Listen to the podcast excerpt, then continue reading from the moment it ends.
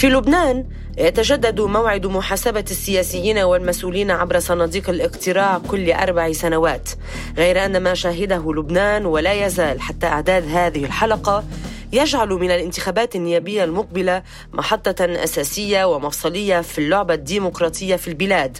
فبعد انتفاضة السابع عشر من تشرين الأول من العام 2019 التي حاولت إسقاط الطبقة السياسية الحاكمة وصولا إلى الانهيار الاقتصادي والمعيشي والاجتماعي تتجه الأنظار إلى آخر أحد من شهر أذار المقبل الموعد المفترض للانتخابات النيابية المقبلة.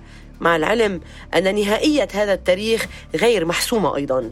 في هذه الحلقة سنرصد أبرز الملاحظات والصعوبات التي قد تواجه تلك المرحلة إضافة إلى دور المنتشرين فيها. ولكن البداية مع وزير الداخلية الأسبق العميد مروان شربل الذي شغل موقعه الوزاري في فترة انتخابات عام 2009 لنسأله عن المشاكل اللوجستية كما السياسية التي قد تواجه وزارة الداخلية وسط الشح في الإمكانات الحالية لدى الدولة اللبنانية. من الناحية اللوجستية لازم وزارة الداخلية تكون جاهزة وحاضرة وأمن كل اللوجستية اللي موجود اللي مفروض عليها. أما من الناحية العملية أكيد في بعض المشاكل منا مثلا جهوزية الموظفين ورؤساء الأقلام أثناء الانتخابات. ثانيا هؤلاء الموظفين يجب أن يدربوا على كيفية إدارة إدارة الأقلام والكتبة اللي معهم شو واجباتهم إيه، والأهم الأهم من هالموضوع هو إجراء عملية انتخابية للموظفين قبل الانتخابات العامة وهيدي إيه، بتتوجب على وزارة الداخلية أنها تهتم بهذا الموضوع. هلأ جهوزية الأجهزة الأمنية واليوم كلنا بنعرف أن الوضع العسكري لا يحسد عليه وإن شاء الله من هلأ للانتخابات تكون غيرت الأوضاع الاقتصادية والمالية. بس إذا بقيت هيك رح نشوف انقطاع الكهرباء. وما بعرف إذا كانت الدولة اللبنانية قادرة تقدم أو تمد كل قلم اقتراع بموتور كهرباء. انقطاع الإنترنت أثناء عملية الفرز وهذا ممكن وصارت وممكن تصير. هلأ إذا تحدد موعد 27 أذار ممكن تتعسر وصول المقترعين إذا كان الجو متلج خاصة بالمناطق الجبلية. عندنا أهم شيء كنا نعاني منه هو حصول حوادث أمنية متفرقة قبل الانتخابات بيومين ثلاثة وبعد الانتخابات وحرق المكاتب واعتراض الحملات الانتخابية وتمزيق الإعلانات. هلأ هيدا فيما يتعلق بالعملية المشاكل اللي بتعاني منها وزارة الداخلية من الناحية الأمنية. بس في مشكلة كمان أهم ما لم نأتي بعد على ذكرها هو آه، هل ستقوم هيئة الإشراف على الانتخابات بواجباتها كاملة؟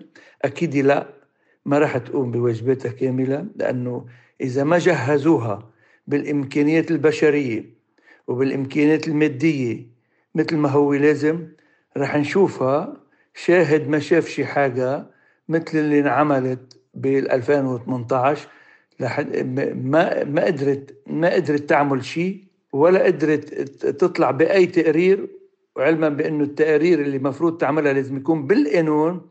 التقارير اللي بتعملها تتحول للمجلس الدستوري وعلى أساسه يطعم بالانتخابات أم لا وهذا الشيء ما عم بيصير. وينضم إلى هذه الحلقة الباحث في الشركة الدولية للمعلومات محمد شمس الدين ليحدثنا عن ما يميز هذه الانتخابات وماذا عن عدالة قانون الانتخاب وبنوده. الانتخابات الحالية تتميز عن الانتخابات التي سبقت بأنها انتخابات رئاسة الجمهورية. بعد الانتخابات النيابية يفترض بالمجلس الجديد أن ينتخب رئيسا للجمهورية اللبنانية قبل 31 أكتوبر 2022 القانون الحالي ليس هو القانون العادل. صحيح أنه قانون نسبي لكنه شوه النسبية من خلال حصر حق الناخب بصوت تفضيلي واحد في الدائرة الانتخابية الصغرى. كما أن تقسيم الدوائر الخمسة بهذه الطريقة أعطى لكل قوة سياسية آه، حجم ووزن في كل دائرة وبالتالي هو قانون مقفل ولا يسمح بالتغيير وبتحقيق تمثيل صحيح للشعب اللبناني. جربته الأحزاب السياسية المختلفة في العام 2018 وحقق لها النتائج التي تريد فهي تتمسك به من دون أي تعديل في العام 2022 ماذا عن النتائج المرتقبة؟ وهل تاريخ السابع والعشرين من أذار هو تاريخ محسوم؟ القوى التي تصر على تقديم هذا الموعد تعتبر أنها بذلك قد تقطع آه، أو تقلل من فرص آه، التيار الوطني الحر كما أنها قد تقلل من فرص المجتمع المدني في حال إجراء هذه الانتخابات في هذا الوقت. أنا لا أتوقع أن آه، يرى هذا التعديل النور وأن تجرى الانتخابات في 8 أو في 15 أيار لأن ما أقدم عليه مجلس النواب من تحديد موعد 27 هو أمر مخالف للقانون وللدستور لأن الدعوة إلى الانتخابات لا تحدد بقانون بل بمرسوم آه، خلال مهلة الستين يوما التي تسبق انتهاء ولاية المجلس وهذا الأمر بيد رئيس الجمهورية لإجراء الانتخابات بين 21 أدار و 21 أيار. آه، ما يجب أن نتوقف عنده. هناك كلام عن تغييرات كبيرة. آه، أنا أتوقع أن لا تغيير في الساحة الشيعية. تيار المستقبل قد يحقق أو بعض التقدم. آه، التغيير الأساسي هو في الشارع المسيحي وهناك حديث أن التيار هذا التيار يتقدم أو يتراجع وذاك الحزب يتقدم أو يتراجع. التحالفات مهمة جدا آه، في رسم الأحجام النيابية للأحزاب والقوى المسيحية. أما المجتمع المدني فلديه آه، حظوظ كبيرة في عدد من الدوائر لا سيما بيروت الأولى وبيروت الثانية آه، أشوفوا علي في بعبدة في الشمال الثانية في آه، كسروان وجبيد. لكن الشرط الأساسي هو أن يقدم من الآن ولا يتأخر بتقديم وجوه لديها صدق ومصداقية وأن تتحالف اللوائح المعارضة لأن التأخر بتقديم هؤلاء المرشحين وتشتت لوائح المعارضة أو لوائح المجتمع المدني سيطيح بفرصة الفوز آه، بمقاعد نيابية في هذه الدوائر التي ذكرتها نعود إلى وزير الداخلية السابق للسؤال عن جدوى عملية المراقبة الدولية للانتخابات وهل تمنع أي عملية غش أو تزوير؟ وماذا عن بند الإنفاق الانتخابي المسموح به؟ هلا للإشراف على العملية الانتخابية وحتى تكون فعالة إيه، لازم تبدأ من مرحلة تسجيل الناخبين ومرورا بيوم الانتخاب وحتى إعلان النتيجه اللي عم بيصير اليوم إنه الدولة بتطلب مشاركة العديد من المنظمات الدولية المشاركة بيوم الانتخابات. وكان وأهم شرط بتحطه الدولة إنه هذه اللجان لازم تكون حيادية وهذه ما حدا بينتبه لها. وأن تكون التوصيات تبعها يلي بتصدر عنا بانتهاء العملية ما بتمس بسيادة الدولة لا داخليا ولا خارجيا. هلأ حتى تنجح عملية المراقبة أكيد آه، بنسبه كبيرة لأنه ولا ممكن إنه تنجح العملية 100% ولا بأي بلد من العالم لأنه بضل في فجوات صغيرة. أول شيء لازم يكون أعداد آه، أعداد المراقبين كافيه ثاني شيء آه، بيشتغلوا بموضوعية بمهارة عالية بأماكن الانتخابات. ثالث بيكونوا جاهزين من الساعة الأولى من افتتاح الصناديق رابع شيء وأهم شيء أنا بنظري إنه يكونوا على معرفة تامة بقانون الانتخاب. لأنه هو قانون الانتخاب هو اللي على أساسه بدهم يكشفوا ويشوفوا وين الخلل وين وين الغش اللي صار؟ وين مخالفة وين مخالفة القانون؟ وين التزوير؟ بأمور كثيره بدها بدهم يكتشفوها. وخامس شيء انه يتنقلوا الدولة تسمح لهم يتنقلوا بحرية وتساعدهم ويوصلوا بسهولة على الأماكن اللي هن بدهم إياها. آخر شيء أنا بنظري يكونوا مارسوا سابقا المراقبة على عملية الانتخابات يعني ما في يجي واحد يجيبوه ويتمرن عنها. لا بده يكون عامل دورات سابقة ومتمرن متمرن قبل حتى تنجح ونسمي إنه حقيقة كانت المراقبة فعالة. هلأ أنا كل هالأمور هيدي اللي أنا ذكرت اللي أنا ذكرتها ما بعتقد أنا بهالسهولة رح تتحقق. لذلك أنا بنظري بيبقى هناك فجوات كثيره ما بيقدروا يرصدوها خاصة استعمال الإنفاق الانتخابي. هذه الوسيلة أنا بنظري هي الملاذ الأول والأخير لعملية الغش والتزوير. من الصعوبة على كل أجهزة المراقبة محلية ودولية مراقبة ذلك خاصة إنه نحن اليوم عم نمرق بظروف اقتصادية صعبة. بعتقد أنا إنه بكرة حيصير في سوق عكاظ مثل كل كل انتخابات على مدى الاستقلال اللي أخذناه. بيغلى سعر الصوت. وأنا بتقديري اليوم اغلب المواطنين بحاجة لدولار وحيكون حق الصوت دولار وما راح يكون بالعملة اللبنانية. في كل عملية انتخابية ترتفع الأصوات حول إعطاء الشباب ممن تخطى عمرهم الثمانية عشر حق التصويت غير أن هذا البند سقط مجددا في الانتخابات المقبلة. فما هو السبب؟ بحسب الباحث محمد شمس الدين. هذا مطلب مهم وأساسي. آه، لكن المسألة الأساسية في لبنان هي مسألة آه، طائفية. فنحن نعرف أنه خفض سن الاقتراع سيؤدي إلى إضافة حوالي 280 ألف ناخب جديد إلى قوائم الناخبين 180 ألف مسلم و100 ألف مسيحي. وبالتالي سيزداد الخلل في هذه التركيبة آه، لمصلحة المسلمين. فترتفع نسبة المسلمين إلى 67% وتنخفض نسبة المسيحيين إلى 33% وهذا يترك أثره على صحة وصدقية التمثيل. من هنا آه، مطلب خفض سن الاقتراع إلى 18 سنة محق ولكنه مع الأسف يصطدم بالعقبة الطائفية التي تعيق كل التقدم آه، في لبنان. سقط بند اقتراع الشباب لكن خارج مساحة ال 10452 كيلومتر مربع مساحة لبنان هناك دور للمغتربين حول العالم في الانتخابات المقبلة فلهؤلاء رأي في الاستحقاق المقبل. وتحديدا أن موجة كبيرة من الهجرة شهدها لبنان في السنتين الماضيتين بسبب هذه الطبقة السياسية التي ولدت الأزمات السياسية والاقتصادية والمعيشية والاجتماعية المتتالية. الإعلامي جو خولي يحدثنا من الولايات المتحدة الأمريكية عن عملية التسجيل في الخارج. عملية التسجيل للانتخابات بالنسبة للمغتربين عبر ال website ليست معقدة ولكن كان ممكن أن تكون أسهل. في آه، مكان خانتين. يعني بعد ثواني ضعت. قلت أنا لازم أحط وثيقتين مختلفتين تظهر يعني عايشة بالخارج بالولايات المتحدة. لكن تبين الوضع بعدين إنه هن بحاجة آه، آه، لنفس نفس الوثيقة ولكن وجه وقفا من قدام ومن وراء هذا الموضوع يعني كان ممكن يكون أسهل لو يعني يشار له بطريقة واضحة. للشخص. انه يعني في كتير لبنانيين لغتهم العربية غير واضحة وحتى منه واضح حتى باللغة الأخرى الإنجليزية أو الفرنسية أو إلى ما هنالك. بالنسبة لي كمغترب لبناني أكيد سجلت بالانتخابات. كل شخص مقيم بالخارج كلبناني له دور وله أهمية. مثل أي لبناني مقيم بالداخل ومثل أي دولة بالعالم بتحترم العملية الديمقراطية. آه، بتعطي نفس الحقوق للتصويت وللانتخاب ل آه، يعني المواطنين المغتربين الذين يعيشون في كل أصقاع العالم. اليوم نحن كمغتربين عم نقول كفى يعني آه، كل واحد عنده يمكن آراء مختلفة طبعا ولكن نحن ما راضيين بقى على هالموضوع اللي عم بيصير بلبنان. 40 سنة زعماء حرب حاكمين لبنان 40 سنة زعماء حرب دفعوا اللبنانيين إلى التقاتل واليوم هن بدهم يحكمون بزمن السلم. يعني على مدى السنوات الماضية تبين أنه هذا الموضوع فاشل جدا ونحن بحاجة غير هيدي الطبقة اللي عم تمتص دم اللبنانيين إن كان اقتصاديا اجتماعيا سياسيا.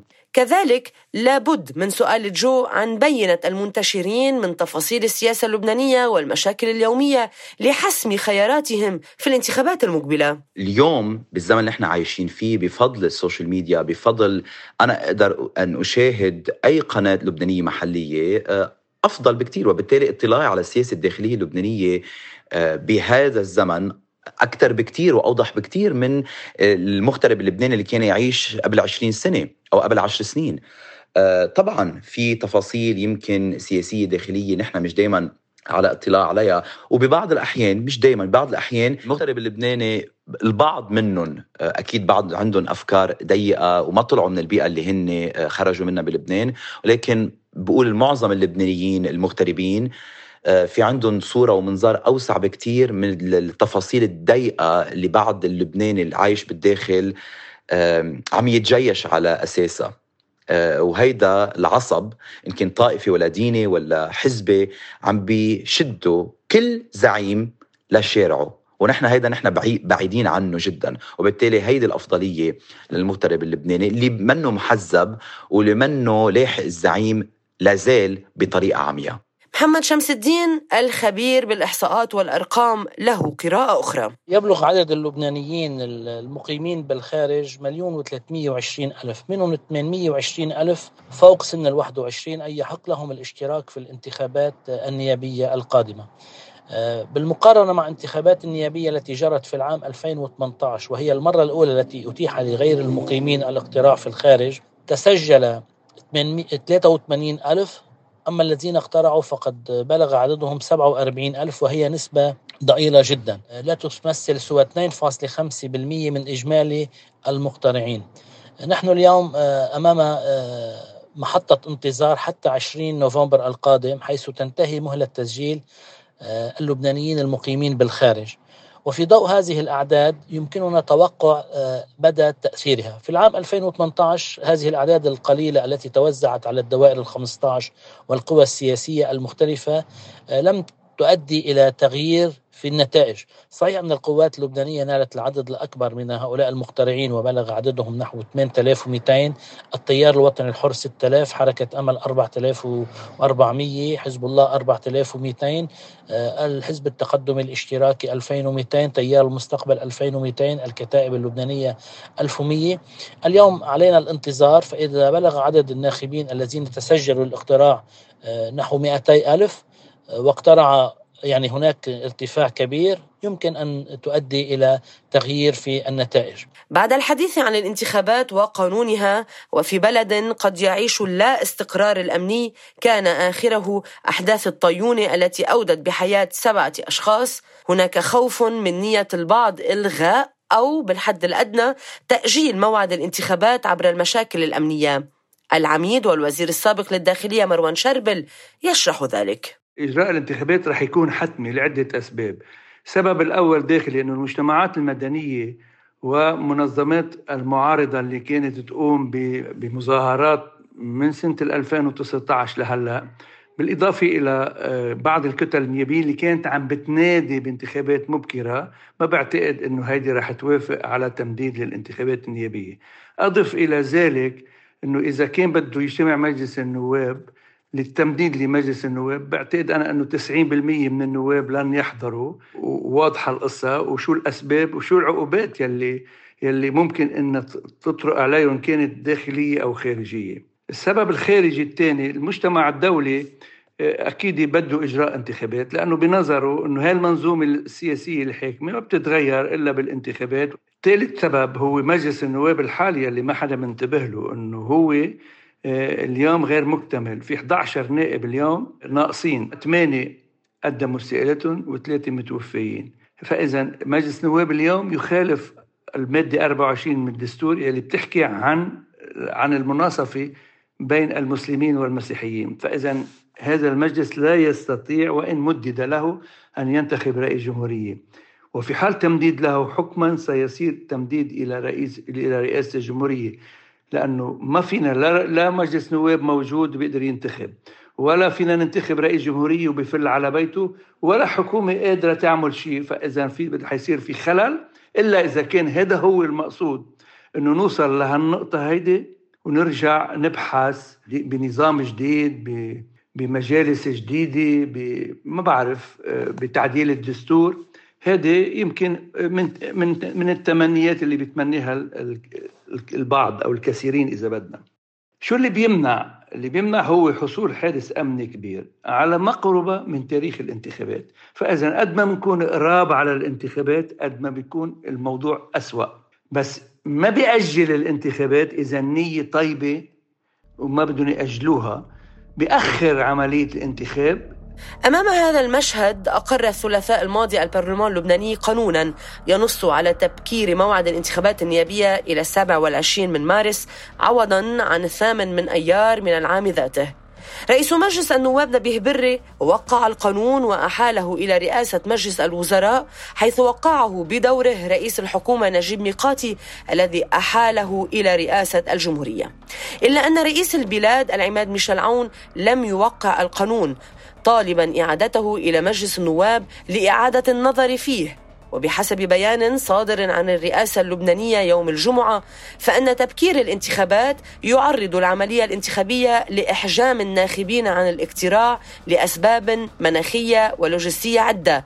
وبحسب الرئيس عون أيضا فإن هذا القانون يحرم ما يقارب الأحد عشر ألف مواطنا ومواطنة من جميع الطوائف حقهم بالانتخاب لكونهم لن يبلغوا سن الواحد والعشرين وهو سن الاقتراع في لبنان في حلول مارس آذار 2022 كثيرة هي التفاصيل التي تكمن فيها الشياطين في الانتخابات النيابية اللبنانية المقبلة. لكن الأكيد أن هذا الاستحقاق مفصلي في عمر بلد يعاني منذ سنوات طويلة ويحتضر منذ سنوات قليلة. فهل تكون هذه الانتخابات مدخلا جديدا للبنان الجديد بنظامه وسياسيه؟